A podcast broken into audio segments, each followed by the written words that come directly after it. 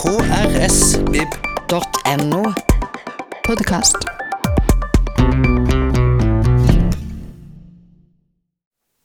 Hei og velkommen tilbake til Klassikerklubben. Jeg heter Tore Fjelstad og har med meg i studio igjen Miriam Christensen. Eh, Velkommen skal du være. Takk. Vi er i gang med høstsemesteret i Klassikerklubben. Vi kan jo nesten kalle det et semester. da. Eh, Vi har jo bestemt oss for at vi skal ha eh, semestrene delt inn i kunst og litteratur, så dette høstsemesteret er kunstsemesteret. Så nå begynte eh, i det som vi skal få høre etterpå, da, eh, med mm, Frida forskeren som innleder eh, om Matisse. Ja. Og kan du fortelle litt om det? Altså, jeg har spurt eh, Frida, som er kunsthistoriker, om hun kan gjøre hele denne høsten. Så hun har fire eh, miniforelesninger, kan vi nesten kalle det, om eh, hvert kunstnerskap som vi da har funnet en sånn litterær hva, hva skal vi kalle det? Sånn litterær Vinkling, liksom, eller? Ja, litterær vinkling, eller en sånn medfølger, eller et eller annet sånt. Akkompagnement. Ja, akkompagnement. Eh, Henri Matisse har vi da akkompagnert med den eh, britiske forfatteren eh, Antonia S. Byatt, som har skrevet en liten novellesamling som heter Matisse historier. Det er tre noveller som på forskjellige måter tar utgangspunkt i Henri Matisse sitt kunstnerskap. Eh, Så Frida har da eh, forteller om eh, Matisse, eh, tar oss med gjennom hans eh, liv og virke. Og så har vi snakka mye om eh, boka til Bayet etterpå, da. I lys av det vi da har fått vite om Matisse. Men De novellene, altså tar de for seg uh, spesifikke bilder og sånn også? Ja, altså Bayet bruker vel både bildene til Matisse, og så bruker hun også han som figur, liksom hans liv og virke, og hvordan han uh, levde. Uh, trekker hun veksler på da i disse her tre novellene. Hun skriver f.eks. mye om forholdet mellom kunstneren og, og musen. Eh, altså det med kvinner og menn, og hvordan kvinner er kanskje underrepresentert som kunstnere, men ofte liksom veldig godt representert som objektet, da, ikke sant? Eh, det er eksempel en, en av novellene en ganske lang eh, fortelling om et eh, ektepar, hvor begge egentlig er kunstnere, men det er liksom mannen som får posisjonen som den store kunstneren. Og hva skjer da når plutselig hushjelpen til dette ekteparet eh, tar fullstendig av og skjønner at hei, jeg kan jo lage kunst, hvem som helst kan gjøre det, liksom. Eh, og så bryter helt opp disse her tradisjonelle, litt sånn strenge britiske rammene for eh, hvem som kan gjøre hva og være hva. Så det er ganske, eh, ganske morsomme noveller, vil jeg si. Og så eh, er Matisse alltid et eller annet sted. Altså, han, har- bildene hans er veldig kjente, så det er liksom aldri noe ulempe å få vite noe mer om Matisse, tenker jeg. Ja, Og spennende. interessant. Vi, vi hører hva Frida har å si om det. Tusen takk. Så syns jeg det var veldig, veldig fint egentlig å lese A.S. Byatt. Hun er en forfatter som jeg har lest litt før, men for på en måte sånn 30 år siden. Og jeg kan ikke si at jeg Altså, jeg husker henne som en veldig sånn intellektuell forfatter.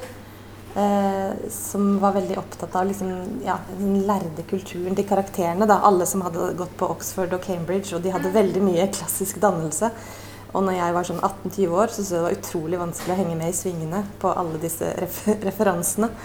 Eh, men jeg liker liksom hvordan hun lar liksom kulturen eller, ja, kulturen siver liksom veldig inn i bøkene hennes, og det gjør den jo absolutt i denne boka her også. Jo, den heter jo Matisse Stories, altså Matisse-historier, og det er jo Henri Matisse som ligger der som et sånn bakteppe eh, i alle novellene. Um, og først og fremst så tenker jeg at hun, hun gjør jo noe som mange forfattere gjør, ikke sant? at hun åpner med bildet. Altså Hver novelle åpner jo med et bilde, og da danner jo det bildet liksom akkurat, hvert fall for meg så blir det bildet liksom, det siver liksom gjennom. Det ligger der som en sånn undertekst, eller sånn hva skal man si, farger. da. For meg blir det, I denne boka er det jo særlig fargene som ligger så veldig veldig tett, fordi hun bruker, hun bruker et språk som er så utrolig frodig. ikke sant? Hun beskriver disse rosafargene og grønnfargene og blåfargene og gulfargene. Og det er nesten sånn bobler i hodet når du beskriver disse forskjellige scenene. Men jeg tenkte jeg skulle begynne litt med å si litt om Matisse. Han er jo en veldig, veldig kjent maler. ikke sant? Han er jo sånn som alle, alle kjenner, alle har sett. ikke sant? Og det er det jo ofte en grunn til. Når noen er, så, når noen er liksom så store, så er det jo fordi de har satt et stort fotavtrykk i kunsthistorien.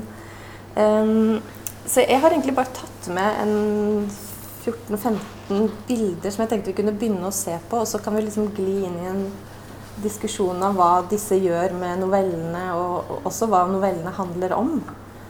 Um, jeg tok dette, dette, bildet her, denne Lux og og et volupté, er jo et, et, av hans tidlige arbeider hvor han går fra å være skal man si, en naturalist til å ta det første steget inn i, inn i, eh, ja, inn i modernismen, kan man si. Han er jo her altså Nå har jeg bare tatt bilder av Matisse, jeg har liksom ikke tatt kontrastbilder til andre. Men man kan si at Henri Matisse studerte jo på Akademiet i Paris, og da hadde han eh, maleren eh, Moreau som sin store professor. Moreau var jo symbol, symbolist, og da kan dere bare tenke dere bilder av veldig, altså, veldig klart definerte figurer, veldig klart definerte scener i et sånn naturalistisk, realistisk formspråk. Det var umulig å altså, Man så hva man så, liksom, på, på, på læremesteren til Matisse. Men Matisse gjør jo dette grepet med å begynne å eksperimentere veldig tydelig med fargene. Og dette Lux og Calmet er jo et sånt bilde som på mange måter har veldig noe sånn klassisk og arkaisk over seg. Der disse figurene som nesten ser ut som sånne klassiske gudinner eller guder som står i positurer, sånn som nymfen på siden her. ikke sant, og det er jo en veldig rolig og deilig scene. Og det mest sånn iøynefallende her er jo hvordan han bruker fargene og bruker eh, penselstrøkene sine, som er veldig inspirert av Seurat, altså Georges Seurat, altså en fransk maler, som er det vi kaller en pontillist. Eh, at istedenfor å lage lange, slanke, sammenhengende penselstrøk, så lager han disse små, hakkete prikkene som gjør at han skaper et helt sånn optisk vibrerende eh, si sånn prikkete inntrykk. da, Som alt vibrerer, og alt liksom summer. Um, så dette er et sånn tidlig bilde hvor vi ser at han har liksom tatt skrittet bort fra det naturalistiske og for fortellende. Um, og også dette bildet her tenker jeg er sånn som vi kan vende tilbake når vi snakker om, om, uh, om Matisse. For han er jo kjent for at han lagde jo ikke noen sånn problematiske bilder. Det er det han blir kritisert veldig for i siste, den siste novella. Eh, dette at han ville, han ville, at kunst skulle være som å sitte i en lenestol. Og bare sitte der og nyte og se på noe vakkert. Det ligger jo ikke noe brodd eller noe, noe vanske her, men det skal være liksom vakkert. Og det ser vi allerede. Det er liksom vakkert og nytende. Kvinner ligger der og vrir seg, det er fint vær. og Det er en sånn stemning av, av uh, ja, lux og kalm, som han også sier. Um, Matisse sin sånn største hva skal vi si, sitt største um, gjennombrudd får jo han når han, eh, når han eh, slår seg sammen med han André Daré. Er, min fransk er helt forferdelig, jeg beklager. Men de, de, knytter, altså de knytter, seg sammen og lager denne kunstnergruppa som heter Le Fauve, altså fauvisme, som vi kaller det. Uh, og dette lagde jo stor stor skandale i Paris når de begynte å stille ut og male, sånn som dere ser her på skjermen. da. Uh, her ser vi jo uh, Matisse sin kone i dette, dette, portrettet som han hadde kalt 'Kvinne med grønn strek'. Og her ser vi at han bruker strøkene veldig veldig annerledes enn i det forrige bildet, hvor han var sånn ja, prikket og streket og sånn. Her, her, er det jo liksom en helt annen kraft i penselstrøkene. Se på håret. Det er sånn tykke, tykke, svarte linjer. Um, det er litt sånn prikker igjen her nede i denne linjen, men først og fremst så er det en sånn veldig, veldig energi, skal man si det? Energi i hvordan han bruker, uh, bruker fargene. Og setter de veldig, veldig kraftig opp mot hverandre. Eh, det rosa eller lilla mot det grønne og mot det, mot det blå, det er blåsvarte. Og dette portrettet som har da denne grønne, grønne linja som skinner gjennom. Ikke sant? Han har liksom, sånn som jeg ser på deg nå, sånn så kommer lyset derfra, og så får du sånne, sånne liksom, felter av lys. Og det er det han aksentuerer, men han gjør det med grønt, og han gjør det med gult, og han gjør det med brunt. ikke sant? Han er liksom opptatt av å bare forsterke de fargene. Og når kritikerne så dette første gang, så sa de bare sånn at disse, disse er bare ville. De ville menn, kalte de dem. For det var så galskap å male på denne, denne primitive og rå og, og, og, unaturalistiske måten. Og det er jo dette liksom, Det er jo her han Man kan si at, at Matisse kommer veldig ja, det er jo dette gjennombruddet han, han gjør. Liksom, og du kan si at alle, alle tingene han gjør etter, etter, dette, blir ikke like sterkt og like eksperimentelt. Eh, det er liksom i denne forvismeperioden når han er ung og dynamisk og får fram denne paletten, at han, at han, at han treffer. Uh, Matisse skulle jo ikke bli maler, han skulle egentlig bli advokat. Han er jo ikke sånn der vidunderbarn som kom som, liksom, som hele livet hadde visst at han skulle jobbe med farger. Men han var veldig mye syk i, i tidlig ungdom, og, og, og, da fikk han altså Sen ungdom var det vel.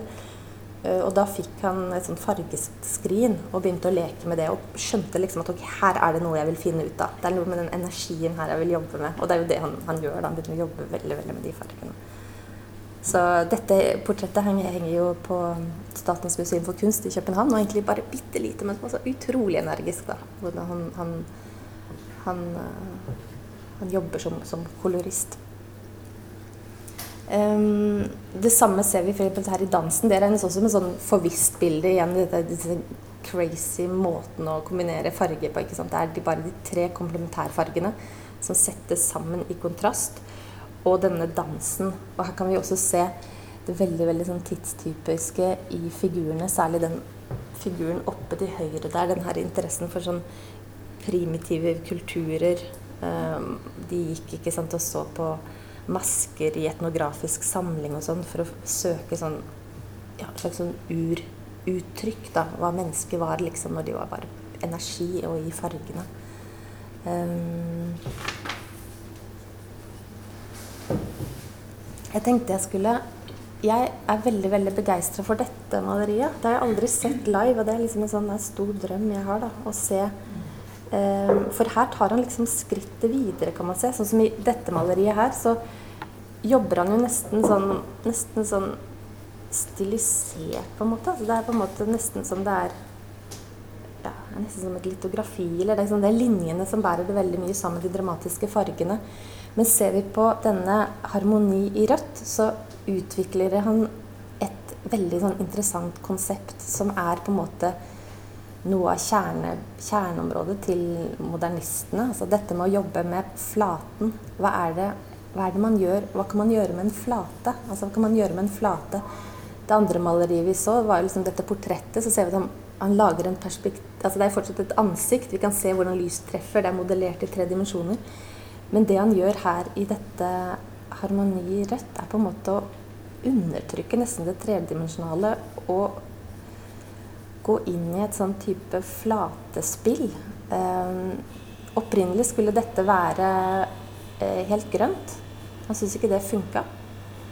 Eh, så han bestemte seg at det skulle være rødt som grunntone. Og det han gjør, er jo da å lage en vegg. Ikke sant? Han lager en, en vegg som er rød, en bakgrunn som er rød. Og så oppå der har han også et bord som også er helt rødt. Og de samme mønstrene som er på duken, det ser vi også på tapeten. Som gjør at for oss så er det jo ikke helt lett alltid å skjønne at det er et bord og en vegg. Det kan jo like gjerne være bare en sånn dekorativ flate. Samtidig som man møblerer bordet med forskjellige gjenstander som, altså som, understreker at det også er et perspektiv her. Men dette liksom finurlige spillet mellom å Ok, maleriet jeg tenker at Det er sånn veldig sånn gjennombrudd i det moderne. Maleriet er rett og slett Det er jo bare helt flatt. Vi trenger ikke å bruke de der andre reglene som vi har jobba med helt siden renessansen, eller egentlig helt siden antikken, med å lage sant, perspektiv og lys og skygge og luftperspektiv. Alle disse komposisjonsmidlene vi har brukt. Hva hvis vi bare lager en sånn flate her, og får det til å liksom være en dekorativ masse? Dette er jo også etter at han hadde vært i Marokko. Han var, reiste jo i Marokko, i Algerie og mye i Syd-Afrika. Han reiste jo veldig mye og var kjempeopptatt av um, strukturer i stoff og liksom, sånn, Nå ser jeg på din bluse, men altså, jeg tenker på sånne applikasjoner og mønstre og frodighet. Og når man ser bilder fra studioet hans, så er det jo nettopp liksom den der overfloden av tepper og duker og slåbroker og skjermbilder og gardiner og altså stilleben med appelsiner og frukter. Han bare fråtser i alt det liksom Alle disse tingene som, som kan gi jeg vet ikke, farger, da. Det er jo farger vi snakker om, og det er det Bayet er så opptatt i sin bok òg. Liksom, alt som har farger. Hva du kan gjøre med fargene. Hvordan iscenesette dem. Mm, og så syns jeg også det er interessant her hvordan Han har jo dette vinduet bak, som like gjerne kunne nesten være et maleri. Det skaper jo dybde, men kanskje det også bare henger der på flaten. Det er liksom veldig mye som, mye som skjer i det maleriet der. Og det at han lar det være helt sånn pulserende rødt. Rødt, ikke sant. Igjen det derre der, liksom, det der, De villes trekk. Det der å tørre å bruke fargene. Bare kjøre de opp, liksom. Og sette de mot hverandre i sånne kontrastpar. Og det er jo hun mm, karakteren i den midterste novella her, den derre artwork hun her Mrs. Brown mm, kom jo tilbake til det der, ikke sant. Ja, når jeg gikk på skolen, så lærte jeg jo dette at rødt og rosa Det passer jo ikke sammen. Men det er jo så fint. Jeg prøver liksom å kjøre de sammen. Og det er, liksom, det er jo liksom det Matisse egentlig gjør også. Det rosa huset, og se på det røde interiøret, og se på de rosa blomstene, og se på de knallgule appelsinene. Se på det Altså, det er en sånn derre intens måte å bare eksperimentere med alle farger som er liksom helt u, hva skal jeg si, u, både unaturalistiske, men også utrolig Det er jo kjempeeksplosivt og veldig hva man kan si, djervt. da, Det er et rart ord. Men det er jo, det er jo en, en sånn kjempekoloristisk glede i hvordan han, han jobber. Um, dette kommer ikke helt altså Det ble litt sånn uheldig. Men jeg tenkte også dette er et sånn typisk maleri sånn som tar opp noe av dette Mrs. Brown-installasjonen. tenkte jeg liksom det at det er masse forskjellige teksturer som er slengt over. Det er velur, og det er tepper, og det er blomster, og det er sitroner. Og han går liksom Matisse var jo veldig inspirert av Cézanne, som jo er vel på en måte den første franske maleren som begynner å jobbe så tydelig med flaten som et sted hvor man kan møblere farger snarere enn å møblere virkeligheten. Altså med Cézanne, hvordan han maler dette fjellet ikke sant, hvor det er grønt er grønt er grønt er grønt er grønt, blått er blått er blått er blått er. Sånn at det blir sånn, det er koloristisk interessant snarere enn realistisk interessant. ikke sant. Dette er jo på en måte modernisme forklart veldig sånn enkelt, men det er jo det det handler om. å liksom kjøre fargene sammen på en sånn måte at det blir malerisk interessant og slående. At det blir, at det blir vakkert. Eh, Matisse malte jo hele livet, men fikk eh, helseproblemer på slutten. Og da begynte han å klippe. Eh, han hadde en operasjon som svekka han veldig når han var på slutten. Han ble jo født i 1869, eh, så på, i 44 Da hadde han jo levd et veldig, veldig langt liv. Men var han veldig svekka. Og klarte ikke da å stå og hamle med disse svære lerretene og alt dette det krevde. Så da begynte han å, å klippe former i papir, og så fikk han assistenten sin eh, til å legge formene etter sin anvisning da, på lerretet. Og lag, begynte å lage eh, disse kollasjbildene, som vi har så veldig, veldig slående. Gjerne monokromt, sånn som denne, denne blå akten. Hvor vi da ser disse klipte formene som han legger. og så Det fins jo flere serier av disse, da, men her ser vi igjen de karakteristiske linjene hans. At han har de der lange, lange, lange deilig tegna linje som lager så utrolig mye bevegelse i bildene. Og her ser vi også at han nærmer seg veldig sånn type abstrakt uttrykk også. Vi ser jo det er en kvinnekropp. men hadde vi snudd litt på det, så kunne det jo vært sant, trekanter og rundinger. Altså han, han, jobber liksom, han jobber på slutten av livet med å å løsrive seg litt mer fra det figurative.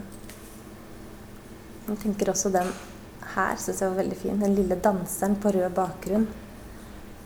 Som jo også nærmer seg en type sånn nesten abstrakt form. Eh, og også har den her Jeg syns den er så fin også pga. den kontrasten mellom rosa og, og rød, da, som nevnes eksplisitt i boka. Eh, som jeg også husker jeg lærte da jeg var liten, at jeg kunne ikke gå med det. Det var bare helt ut. Ikke sant? Så det er jo noe med det, alle disse reglene vi følger, og så kan det bli så visuelt og slående hvis vi da jobber og tør å sette ting, ting sammen. Mm, tenkte jeg bare skulle vise den også, den sneglen fra 53, som også er et av hans sånn kjente sånne papirkollasjverk, hvor han bruker igjen fargekontraster. Han setter komplementærfargene opp mot hverandre. Eh, og har lagd en tegning av en snegle. Og så etterpå så klipper han det ut i formene, og så lar han de forme seg som et sneglehus.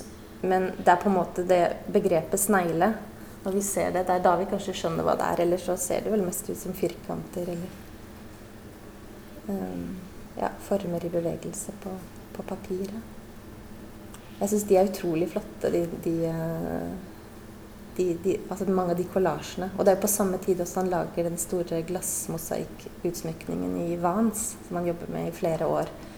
Hvor, som også er danna av papirformer klippet ut, som da har blitt lagt i glassformer, og som da settes sammen som til glassmosaikker. Um, um, så tenkte jeg liksom bare sånn Eh, vi skal snart snakke om den boka, men jeg hadde lyst til å bare ta Jeg har tatt med de bildene som nevnes eksplisitt i boka.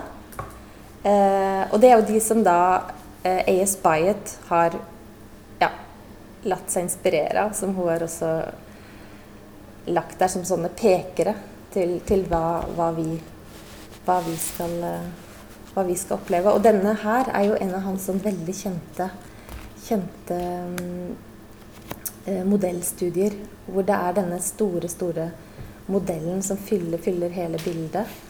Hvor han har sine karakteristiske sånn lange, deilige, sånn bølgende penselstrøk i svart. Dette er jo veldig annerledes måte å male på enn han gjør når han er sånn ikke sant? Det er jo ikke den samme råskapen og villskapen. Det er mye mer sånn kan man si, litt sånn forenkla eleganse.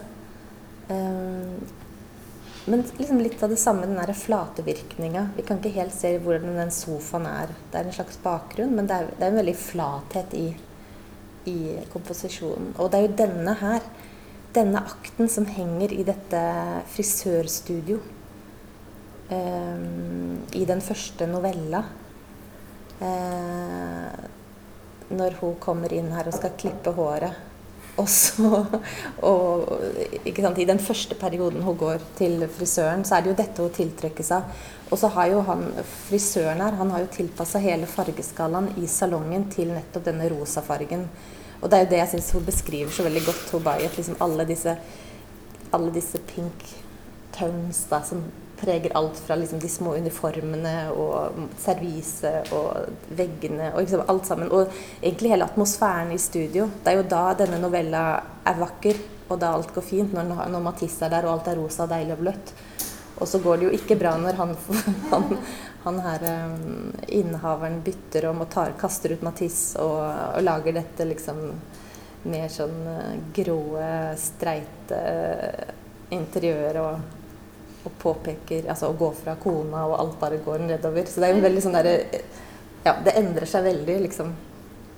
Um, men det kan vi jo snakke om sammen. Men dette er i hvert fall den, liksom, den som slår tonen an i første, første novelle. Um, og så ligger jo den her her som en sånn tekst, eller sånn Skal vi se, i den siste der så ligger det som en sånn for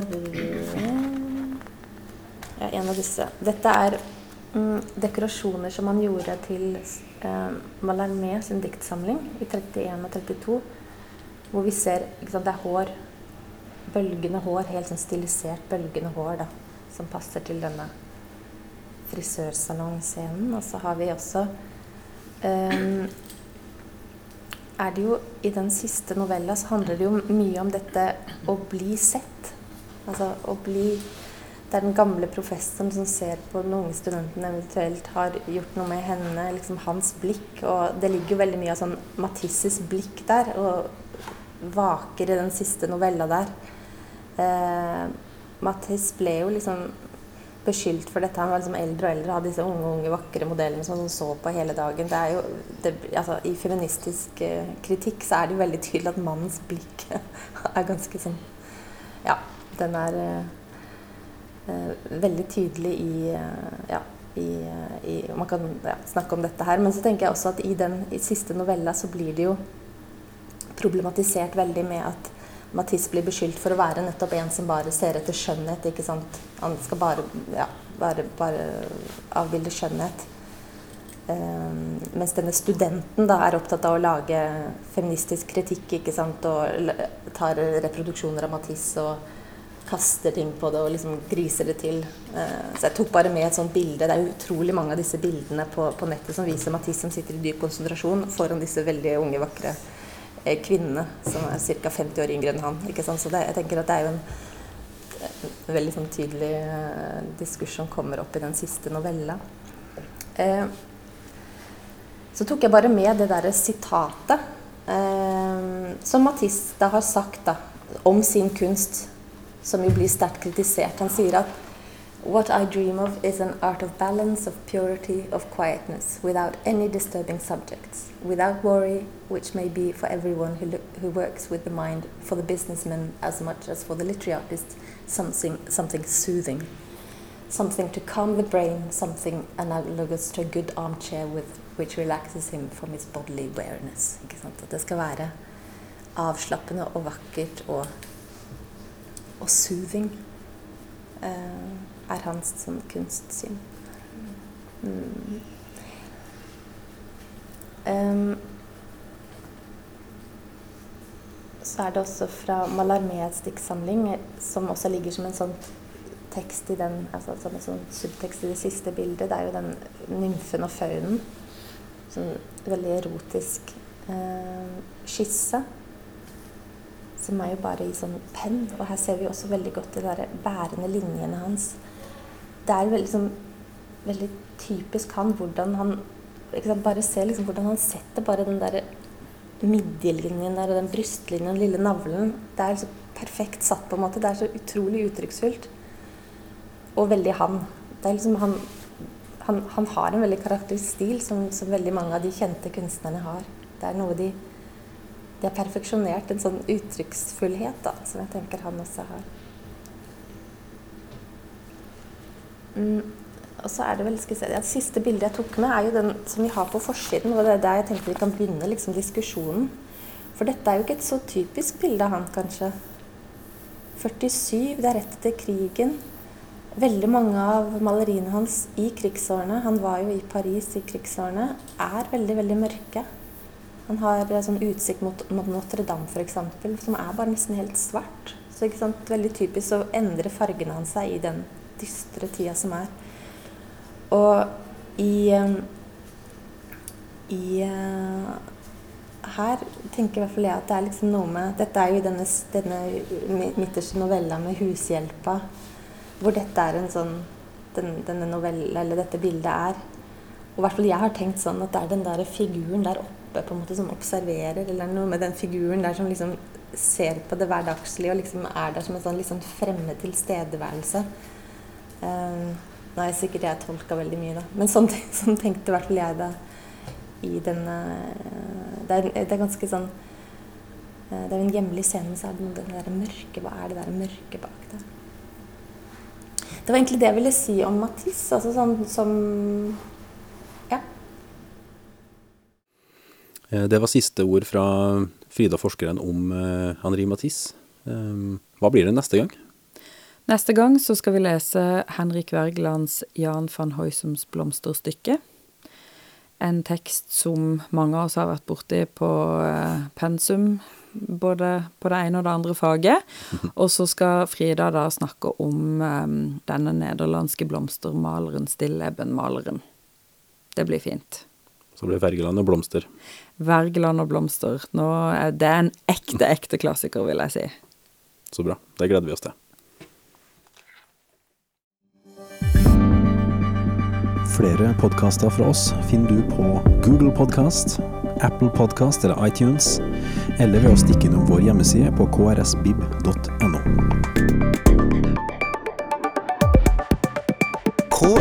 krsbib.no. Podkast. Thank you.